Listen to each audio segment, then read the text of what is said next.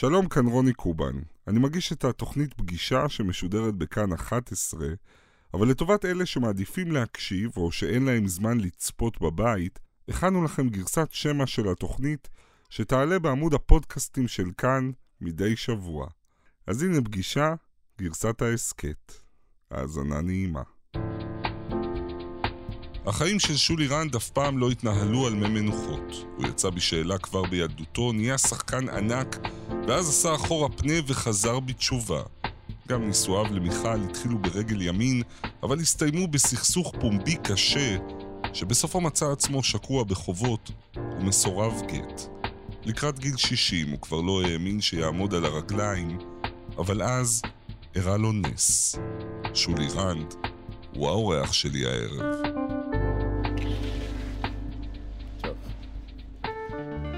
אוקיי, שלום שולי. שלום וברכה. וואו. איפה וואי, קרים? זה אבא ואמא? כן. זה אני. זה אתה? כן. מה זה, שלג בירושלים? לא, זה, אז היינו בשוויץ. הוריי היו במחנות קיץ בשוויץ, מן המארגנית. ואני פה. מתחיל כבר. תמונה אחת. תמונה אחת. לא, זאת?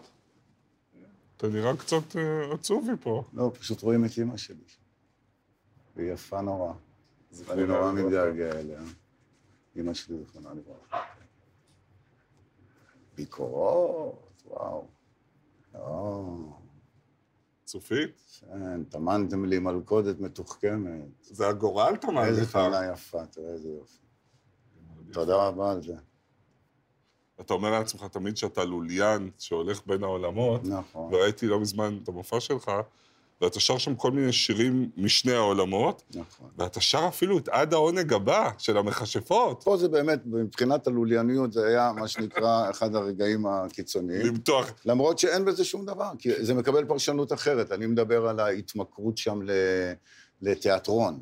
שם אני, אני מדבר, אני שואל את עצמי, אז רגע, זה, השגת את זה, אז מה עכשיו? שנייה אתה מאושר וכבר אתה רץ עד העונג הבא?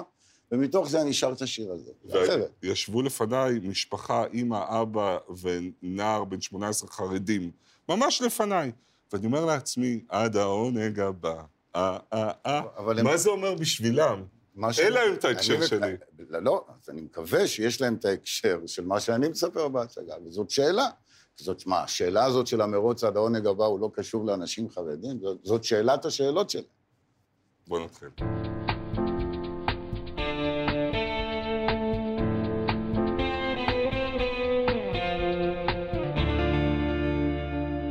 שלום לשולי רנד, שלום וברכה. השחקן והיוצר החרדי, אחד מהמוני הבמה והמסך הכי מרתקים שצמחו כאן.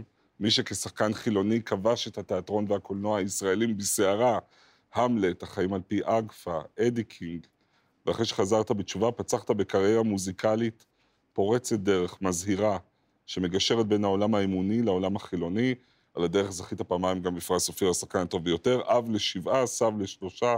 תודה שבאת אלינו. תודה, רוני. אה, בשבוע שעבר הלכתי למופע שלך, תשליך, תשליך, כן. שבו בין היתר אתה מספר על לא מעט כישלונות, חרטות, חטאים, התלבטויות אמוניות, כמו בתשליך אמיתי, רק שאתה עושה את זה מול קהל, חילונים ודתיים, קהל הכי מעורב שראיתי כבר שנים, כל הסוגים. אתה מציג לנו דוס שבור, מלא חולשות, מלא בעיות. זה, זה חשבון נפש? קודם כל זה סוג מסוים של חשבון נפש, אבל בעיקר יש בעניין הזה תקווה. בכלל, אני אף פעם כיוצר לא הצגתי, אני לא חושב שזה התפקיד שלי, אני גם לא חושב שזאת האמת, לייצר דבר שהוא שלם. דבר שהוא שלם הוא לא מעניין, הוא לא בן אדם, הוא לא כלום. מה זה דוס? דוס אה, שבור? כל הדוסים שבורים, כל בני האדם שבורים. אף אחד לנסות ולהציג כאילו את היהדות בתור איזשהו משהו שהוא, אה, אתה יודע, מהודק, שלם, אני גם מדבר על זה בהצגת השיר, זאת לא האמת. אנחנו פה בעולם הזה בשביל לעבוד, בשביל לתקן. לפעמים אנחנו, הקדוש ברוך הוא זורק אותנו לפינות, או לשיוורון כזה. השאלה היא מה אתה עושה עם זה, צולל לרחמים עצמיים, או צומח. והתגובות? תראה, תמיד יש תגובות. אבל כשאיימו להעיף את הבת שלך מהבית ספר, כי אתה חושף את הסודות שלא צריך לחשוף. לא, אבל זה לא... לא. אני אומר לך. מה היה אז, אבל, אבל הנה, היו, בוא... היו תגובות. הייתה מנהלת שבאה ואמרה שהילדים לא יכולים ללמוד אה, בבית ספר. ולדעתי, העברנו אותם בית ספר. שפחות היה אכפת לו, אבל זה לא היה ברמה הזאת. בסך הכל, אני חושב שאני עושה הרבה שירות טוב לציבור החרדי. עוד דבר מאוד חזק בתא שליך, ובכלל ביצירות שלך, זה הרעיון של הדיאלוג עם אלוהים. אתה מדבר איתו כמו אח, ממש בגובה העיניים, אבל מה שמעניין, שאתה לא ביקשת ממנו רק תשובה. אתה דיברת עם אלוהים בשיא תקופת הבוהמה שלך, אתה הלכת לבקש ממנו גם תפקידים. תפקידים בתיאטרון. את המלט ביקשת ממנו. אומרים שאפילו גנב שמתפלל מקבל. תן לי את המלט. כן, אני רוצה. אלוהים, הוא, טוב, לא, הוא ברור שהוא ראה את המלט. אבל שם אני גם מספר בהצגה שאת הדברים האלה קיבלתי ממש בשפע, זה הכל הלך. אבל דווקא כשבאתי לקבל בקדושה, לא קיבלתי. הייתי מתפלל ולא מקבל. כלומר, תפקידים הוא נתן לך בשפע כשהיית חילוני, אבל כשהיית בעל תשובה מתחיל, אלוהים... כביכול נעלם לי, כן. נפנף. ואני באמת לא הבנתי, הייתי אומר לו, מה, דווקא עכשיו, כשאני בא בטוב, אני כל כך רוצה, רב נחמן ברסלב מסביר שדווקא בהתחלה, המניעות האלה, זה שלא נותנים לך להתקרב, הם אלה שבונות לך את הכלי ואת השכל. ובכלל אפשר להגיד שככל שהעמקת את התשובה, מצבך האובייקטיבי הלך והידרדר. העשור האחרון בחיים שלך היה מאוד לא פשוט, קושי כלכלי, חובות הולכים וגדלים, מערכת היחסים שלך עם מיכל אשתך, סוג של מלחמת עולם, לפי עדותך, הבית הוא שדה קרב, חיים של סבל, ובתקופה הזאת, איפה אלוהים בסיפור הזה? ביקשת ממנו עזרה, אמרת לו די? כן, הייתה תקופה מאוד מאוד קשה, אה, ואלוהים כל הזמן היה נוכח שם. עכשיו, בהתחלה, אני הכנסתי את כל הדבר הזה של הסבל לטרמינולוגיה דתית. ניסיתי להפוך את זה לתכלית. לערך. שזה לא היה דבר נכון. כלומר, זה שהנישואים שלי וחיי הבית שלי הם גיהנום, כן, זה מבחן כן, של כן, אלוהים? כן, זה, כן, כן, להפוך את ה... זה, בסופו של דבר זה מבחן של אלוהים. אבל כאילו אני הכנסתי את הסבל ואת הכאב כתיקון, כערך, כעבודה על מידות, כי פשוט לא הצלחתי לפתור את זה בשום דרך אחרת. עכשיו, בתוך הדבר הזה היו גם, שאלת מקודם איך מדברים אלוקים, עד איפה מותר לדבר, היו גם מריבות מאוד מאוד קשות. אני כעסתי ואני הייתי מתוסכל, ולא הבנתי את המציאות, הכל היה בתוך הדבר הזה. אבל לקח לי הרבה שנים להבין שאני אולי לא חושב נכון. שהטרמינולוגיה הדתית שאני מפעיל פה, היא משרתת חולשות שלי ותכונות אופי מסוימות שלי. איפה שהתחיל אצלי הסדק של ה... מה שנקרא לקבל עליי את הדין ולעשות תיקון ומגיע לי וכל הסיפור הזה, זה הילדים שלי, הילדים שלי, האהובים שלי, שראיתי שהדבר הזה פוגע בהם, לא נכון להם, שאני מלמד אותם משהו לא נכון לגבי החיים. ושם התחיל השינוי. במופע שלך אתה מספר שהיה רגע שעלית לגג וחשבת... כן. הפרדוקס הוא שאני עמדתי שם לא כאיזה אקזנציאליסט עם אג'נדה, אלא כ... לא כאיזה מעריץ של קורט קוביין, אלא כבן אדם שיודע שפעולה כזאת היא, זה ההפך המוחלט מהרצון של הקדוש ברוך הוא. התאבדות. אתה יודע, אני יותר עדין ממך.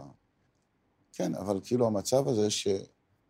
אתה אומר, אין, אין, אני לא יוצא, אין לי איך לצאת מזה. אין טעם. אבל זה לא קרה. התחיל שם משהו טוב? כן, הייתה סוג מסוים של בחירה בחיים. להגיד לך שמיד אחרי שהדבר הזה השתנו הדברים, לא. אמ, הייתה לי גם תקופה ארוכה שחייתי כמו מת חי, זאת אומרת, כאילו כמעט בלי רצונות, מחכה שהסיפור הזה ייגמר, בלי חלומות לעתיד, לא רואה את עצמי פותר את הבעיה, גם כשאני כבר מחוץ לבעיה. אני רוצה לשאול אותך, שאלה אחת אני שואל אותך על התקופה הזאת, שאתה מנסה לחו...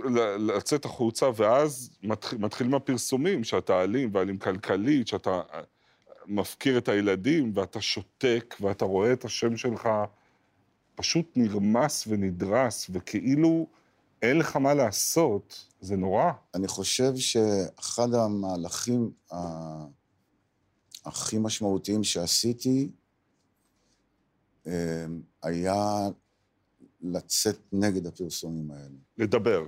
כי אני אגיד לך את האמת, אמנם אני שחקן ואני מופיע, אבל בטבע שלי, אם היית אומר לי שידברו עליי כל כך הרבה דיבורים ואני אהיה מסוגל עוד איכשהו לצאת מהבית, אני מאוד, אה, מאוד אדם לא ציבורי, כמה שזה מוזר, והנה הקדוש ברוך הוא זימן לי להיות מה ציבורי, אחת מהפרשיות המכוערות בתולדות עם ישראל.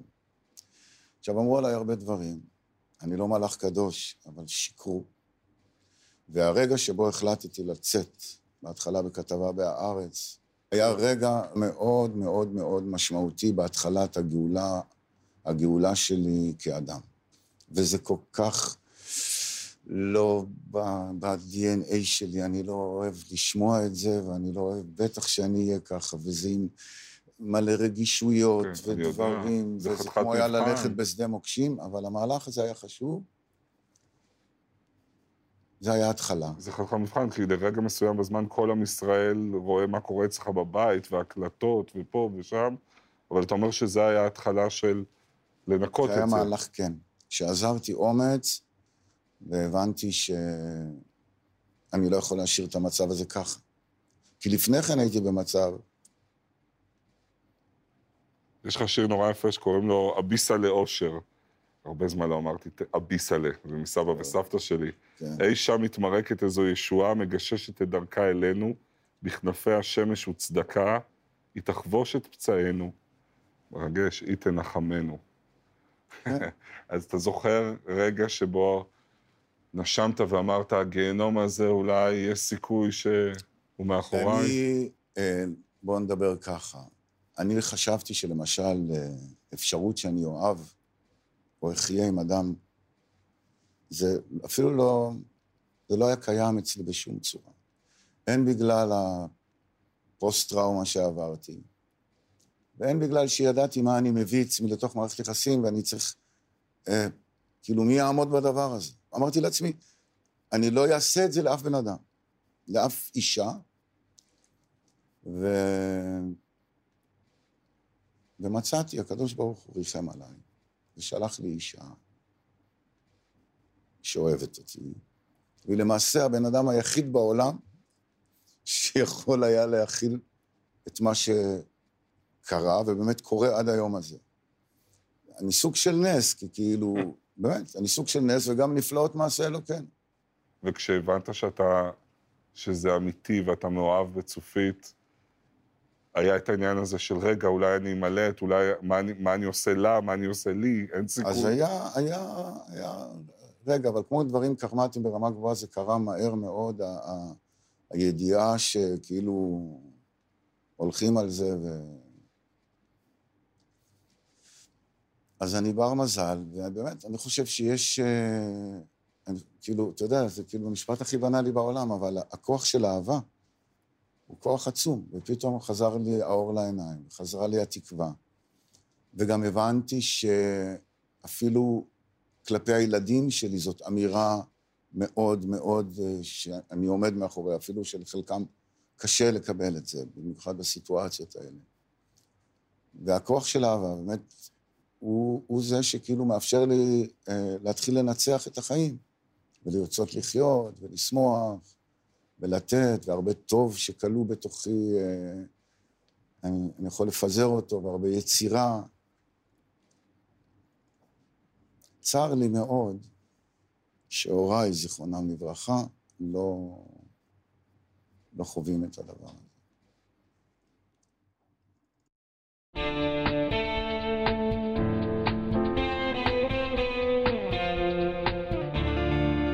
אז הנה אבא ואימא, כן. זיכרונם לברכה, ש- השמות שלהם, אבי זה יעקב פנחס, ואמי זה בלהה אדלה.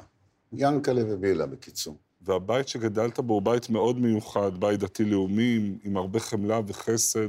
כן, ברוך השם, אני זכיתי לגור, ב... לגדול בצל הורים אה, מופלאים. יש לי גם אחות עם אה, תסמונת דאון, יהודית, פה, שכמו שאומרים, מה שהורינו הנחילו לנו בתור משפחה, דרך הטיפול בה, זה, זה כל העולם, זה כל התורה כולה, זה הכל בפנים. באמת. הם נפטרו, אמי נפטרה בשבעה של אבי.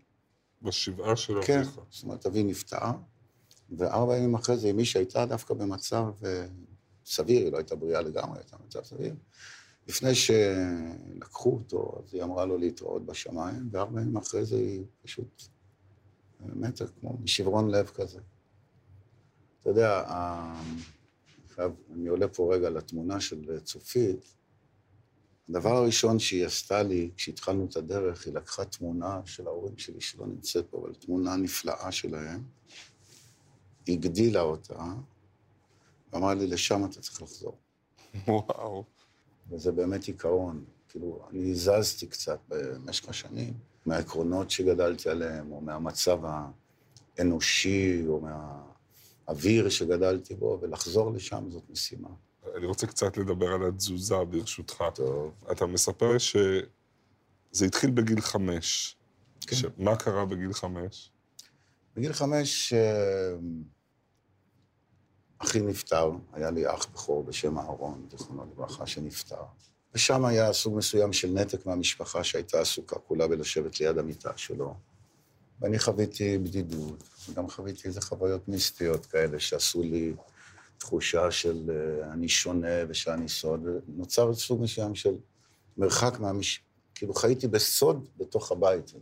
אתה נראה ילד טוב ירושלים כזה, אומר בשבת שאתה הולך לחברים, הולך למשחק כדורגל, הולך לדברים אחרים, מחלל שבת.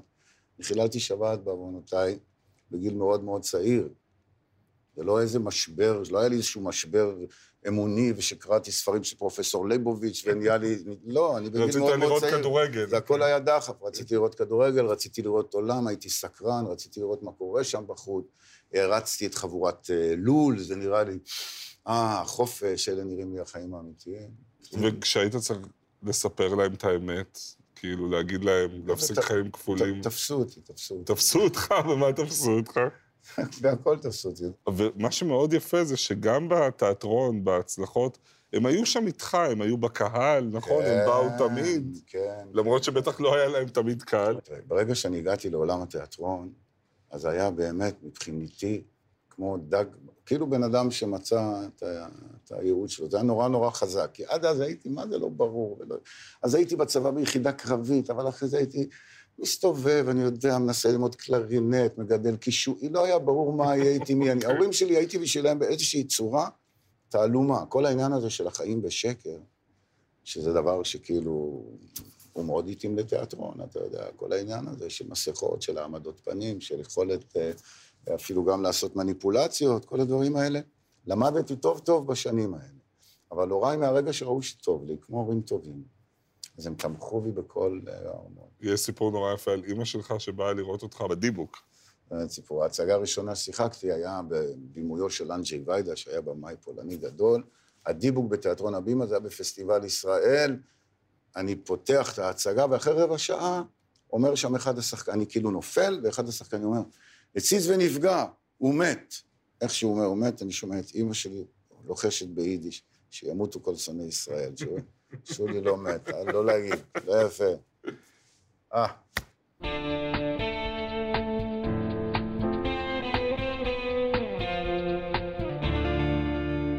טוב, בוא נדבר על משחק, עבודת השחקן, השחקן הבאמת חד פעמי שאתה. זה סוף שנות ה-80, רינה ירושלמי מעלה את המלט בהפקה שבאמת מטלטלת את התיאטרון הישראלי, לא פחות, ואתה, המלט, להיות או לא להיות. לא פחות ולא יותר. להיות או לא להיות זאת השאלה. מה נעלה יותר? לשאת באורך רוח חיצי גורל אכזר אבני מרגמותיו, או אם חמוש לצאת מולם הייסורים יורוד, וקץ לשים להם. למות.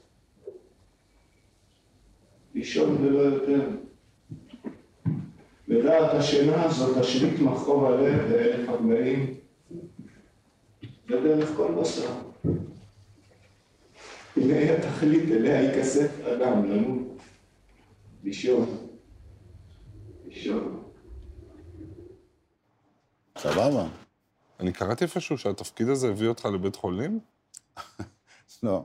אני הבנתי, אחת הנקודות שעבדתי עליהן, שאמלט יש לו בחילה מהעולם, אז התחלתי לעבוד על בחילה.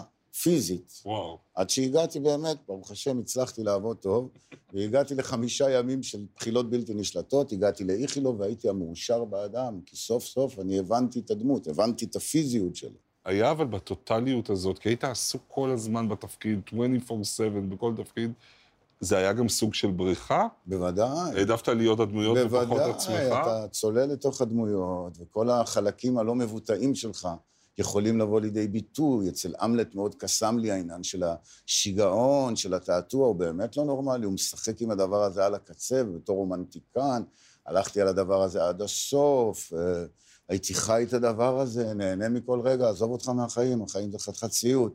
לשהות בתוך דמות, ועוד להתפרנס, לקבל על זה כסף, כבוד, הכרה, כפיים, מעריצות, כן. אה, מה, אף פעם, אף פעם לא הייתי כזה, לא הייתי בליין, זה לא היה הסגנון, הייתי כאילו מכור לעבודה.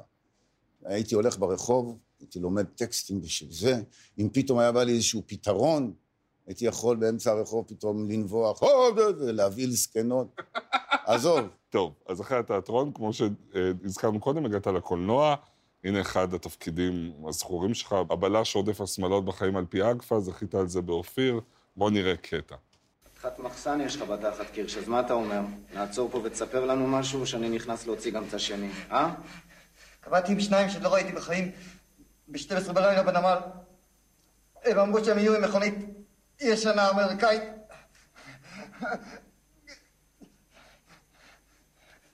יפה. יפה. אתה יכול לדחוף לאף מה שנשאר לך בתחת, מתנה ממני. שלא תגיד שאני לא בסדר איתך. אנחנו נגיד שזה לשימוש עצמי. אה? נו, זה מה שבחרת. האמת, היה קשה לבחור קטע מה- מהסרט. קטע שכאילו אני אוכל כן, לראות שאתה אותו. תוכל לראות אותו. כן. זה סרט מאוד מאוד מיוחד את העשייה שלו עם אסי דיין, זיכרונו לברכה. הוא לא ביים אותי במילה, הוא רק אמר לי משפט אחד. אתה מחוץ לסרט. ואני הבנתי למה הוא מתכוון. הוא דיבר על הניתוק, ה... הניתוק הרגשי של הדמות, דמות וואחד מנותקת רגשית ברמות על. זה היה סרט חשוב, והבימוי של אסי היה בעצם הנוכחות שלו, היה בתקופה מאוד מאוד מאוד קשה.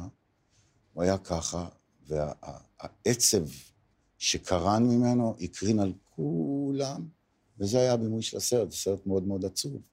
בשלב מסוים, כל הפרסים והתפקידים, מתישהו אתה מבין שזה לא מספיק, שזה לא ממלא אותך. זה לא מדויק. לא עזבתי מתוך תחושת ריקנות.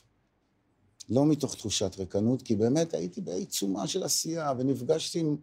הקדוש ברוך הוא זיכה אותי להיפגש באמת עם גדולי הבמאים. אמרתי, עם ניסים אלוני זכיתי, וקצת עם חנוך לוין, ועם ויידה, ועם אה, אה, סטרואה. ו... כן, הייתי. ב... כן, שהיה לי איתו קשר מאוד חזק. הייתי בשיא הרוחניות, ועבדתי על דברים שברומו של עולם, ונפש האדם.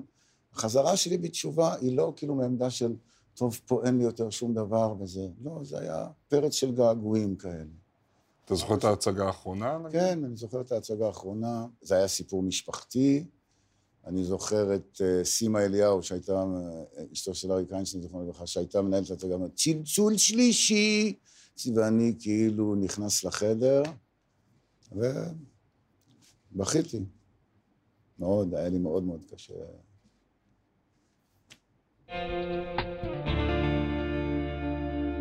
שולי, אנחנו מתקרבים לסיום, וזה הזמן לחתוך את העוגה ולהגיד לך מזל טוב, לך ולצופית. תודה רבה. ביחד עם כל עם ישראל, ברוך השם. כן, וואו, היו היה וואו היה. מזל טוב רואה מאוד, אתה יודע. התוכנית הייתה שזה יהיה מתחת לרדאר, וזה יצחק טוני, מה שנקרא. מתחת לרדאר זה לא היה. אבל רגע, לפני שנגיע לעדים, איך הייתה החתונה? תראה, היא חתונה מיוחדת, היא, אה, היו בה כל מיני אלמנטים. זאת לא הייתה חתונה רגילה. קודם כל, הזוג הצעיר הוא לא, הוא לא כל כך צעיר, אבל היא הייתה שמחה מאוד. היה לה line-up, כאילו, לחתונה, וכמו שרציתי, ה line-up התברבר. אני זוכר שאמרתי, "אה, אכלו כבר? אמרו לי כבר, אכלו, כבר אכלו. ככה זה מחתונה. הייתה חתונה מאוד שמחה. עד שאתה זה, זה כבר עובר. דיברנו קודם על המורכבות המשפחתית שלך, אז כן. הילדים באו? אה, כמעט ולא. חלק באו. לפעמים האושר שלך עובר דרך כאב של אנשים אחרים. שזה המצב פה. אה, לא רציתי להעמיד אף ילד בקונפליקט. בטח ראית את הפוסט הלא פשוט שהעלתה הבת שלך, אודליה, אחרי האירוע. כן. פגוע וכועס, היא כתבה, כששברת את הכוס, אבא, שברת לי ולאחים שלי את הלב. אה, הייתה תגובה שלי לדבר הזה. אה, אמרתי שאני לא מאמין שאודליה כתבה את הפוסט הזה. אבל בסדר, זה כאב לי מאוד, כאילו, הדברים שהיא אמרה. כאב לי יותר אה, ההתנפלות שהייתה עליה אחר כך ברשתות החברתיות. אני רק יכול לומר שמבחינתי החתונה הזאת הייתה אמירה מאוד מאוד ברורה כלפי הילדים שלי, אמירה אה, כלפיהם, כלפי העתיד שלהם. שמה האמירה? שזכותם להיות מאושרים, שאני מקווה בשבילם שכשיזדמן להם אושר, אז שלא משום סיבה אה, לא יפריעו לעצמם, שאף אחד לא יפריע להם. בוא רגע נבין, אה, מה זה האישור מהרבנים הזה שקיבלת? איך הוא ניתן לך? הרי על הנייר אתה עוד נשוי למיכל. כן, אז אני אסביר לך את זה ככה. קודם כל, אני קיבלתי חיוב לגט. אבל uh, הצד השני לא הסכים בשום פנים ואופן uh, לקבל את הגט, וגם התבטא בצורה מאוד מאוד חריפה שזה לא יקרה. ורק לאחר שנוסו כל האפשרויות, כולל אפשרות להגיע להסדר פיננסי או כל הדברים האלה, ולא הייתה ברירה, אז בית הדין נתן לי את ההיתר הזה. עכשיו, יש משהו בהיתר הזה שהוא כביכול לא פייר. כן, כי הרבה נשים עגונות, נכון, מסורבות נכון, גט, מייחלות שנים לאישור כזה ולא יקבלו, אין, אז יש פה חוסר שוויון נכון. שבאמת זורק אני לשמיים. אני יכול לומר לך ככה, אני מבין לגמרי את הזעם, ואני משתתף בכאב, אי אפשר בכלל, אני, מי כמוני מבין מה זה כאב של להיות הגון, של לא להיות מסוגל, אז בוודאי שאני מבין את הדבר הזה ואת הכאב ואת הזעם. מצד שני, אני בן אדם אורתודוקס, אני מאמין בתורה הקדושה. זהו, זה לא חורה לך אבל שהדת הממוסדת מפלה ככה נשים? קודם כל זה לא חורה לי, אני לא מתווכח, עם התורה שום דבר לא חורה לי. כי אני מבין את הדברים הזה, ובעיקר אני מבין שאני לא מבין. הרי אני לא חושב שהתורה נכתבה על ידי גברים שובני, אני ממש לא חושב ככה, אני חושב שהתורה היא אלוקית, אז אני באמת לא מתווכח. אני רק רוצה לומר לך שגם ב, יש הרבה הסתרה על, ה, על, ה, על היחס של התורה לנשים. והיחס של התורה לנשים הוא מאוד טוב, הוא מאוד עמוק, הוא מאוד, הוא לא שוויוני. הוא לא שוויוני. כי התפיסה של התורה היא מכירה בהבדל שיש בין גברים לנשים, ויש גם דברים בתורה שהם חוקים, אני לא באמת מבין אותם. אבל הדבר היחיד שאני יכול להגיד פה, זה לכל המעגנים משני הצדדים, גברים או נשים, תפסיקו את זה. שם הפתרון. הפתרון הוא, אצל כל המעגנים, גבר שמעגן אישה זה אכזריות, אישה שמעגנת גבר זה אכזריות, זה מעשה לא מוסרי, זה מעשה שנוגד כל דבר טוב בעולם. ואם יש פנייה שאני יכול לעשות, כי עם התורה אני לא הולך להתווכח, אז אם יש משהו שאני יכול להגיד, זה למעגנים, חברים, שחררו. עם כל הכאב, שחררו. איך קיבלו את הזיווג הזה במגזר החרדי? להפתעתי, אתה יודע, הייתי בהופעה בבנייני האומה לציבור חרדי, לא סתם ציבור חרדי, ארטקור. ועליתי לשיר עם אברהם פריד, ואני מתחיל לשיר ואני מבין שזה היה בבנייני האומה, שלושת אלפים איש, ומהר מאוד הלהקה הפסיקה וקיבלתי קבלת פנים, שאני לא חושב שאי פעם קיבל חתן קבלת פנים. מה היה? צריך לראות את זה. פשוט שרו לי שיר חתונה. עוד אישה, שלושת אלפים איש בטירוף. אחרי כל מה שעברת, היציאה בשאלה, חזרה בתשובה, ההידרדרות האיומה של היחסים עם אשתך הראשונה, בגיל 60 אתה חוגג יום הולדת עם אישה חילונית, בעיר חילונית, ודווקא שם מצאת תשובה. מה זה אומר על החיים, על עצמך? איזה מין סיבוב מסתובב לו מה, פה? מה זה אומר לך? יש בזה אמירה שמשמחת מאוד מאוד מאוד אנשים. כי אה, דווקא בתקופה שאתה יודע, צינית כזאת, אתה, אתה, אתה, אתה, דווקא בתקופה כזאת יש, זו אמירה כאילו, אתה יודע, זה כמו פרסומת לצו פיוס. כן. אוקיי. נו יאללה, תן את זה. אם, אם היו הולכים איתי על קמפיין, הייתי יכול גם להסתדר, אבל כאילו, הם רק מחכים. אתה רואה, זה- הנה, הנה אפילו אנחנו יכולים להסתדר. יותר מזה, שולי רן, קודם כל, תודה רבה שבאת, ואני אגיד לך גם באופן אישי, אתה נתת מתנות, שירים להרבה אנשים שברגעים קשים זה בשבילם משהו שעושה להם נחמה, אז תודה על זה, ותודה שבאת. אז תודה רבה על הרעיון הזה. ודיר באלק שלא תוציא אותי טוב, כן?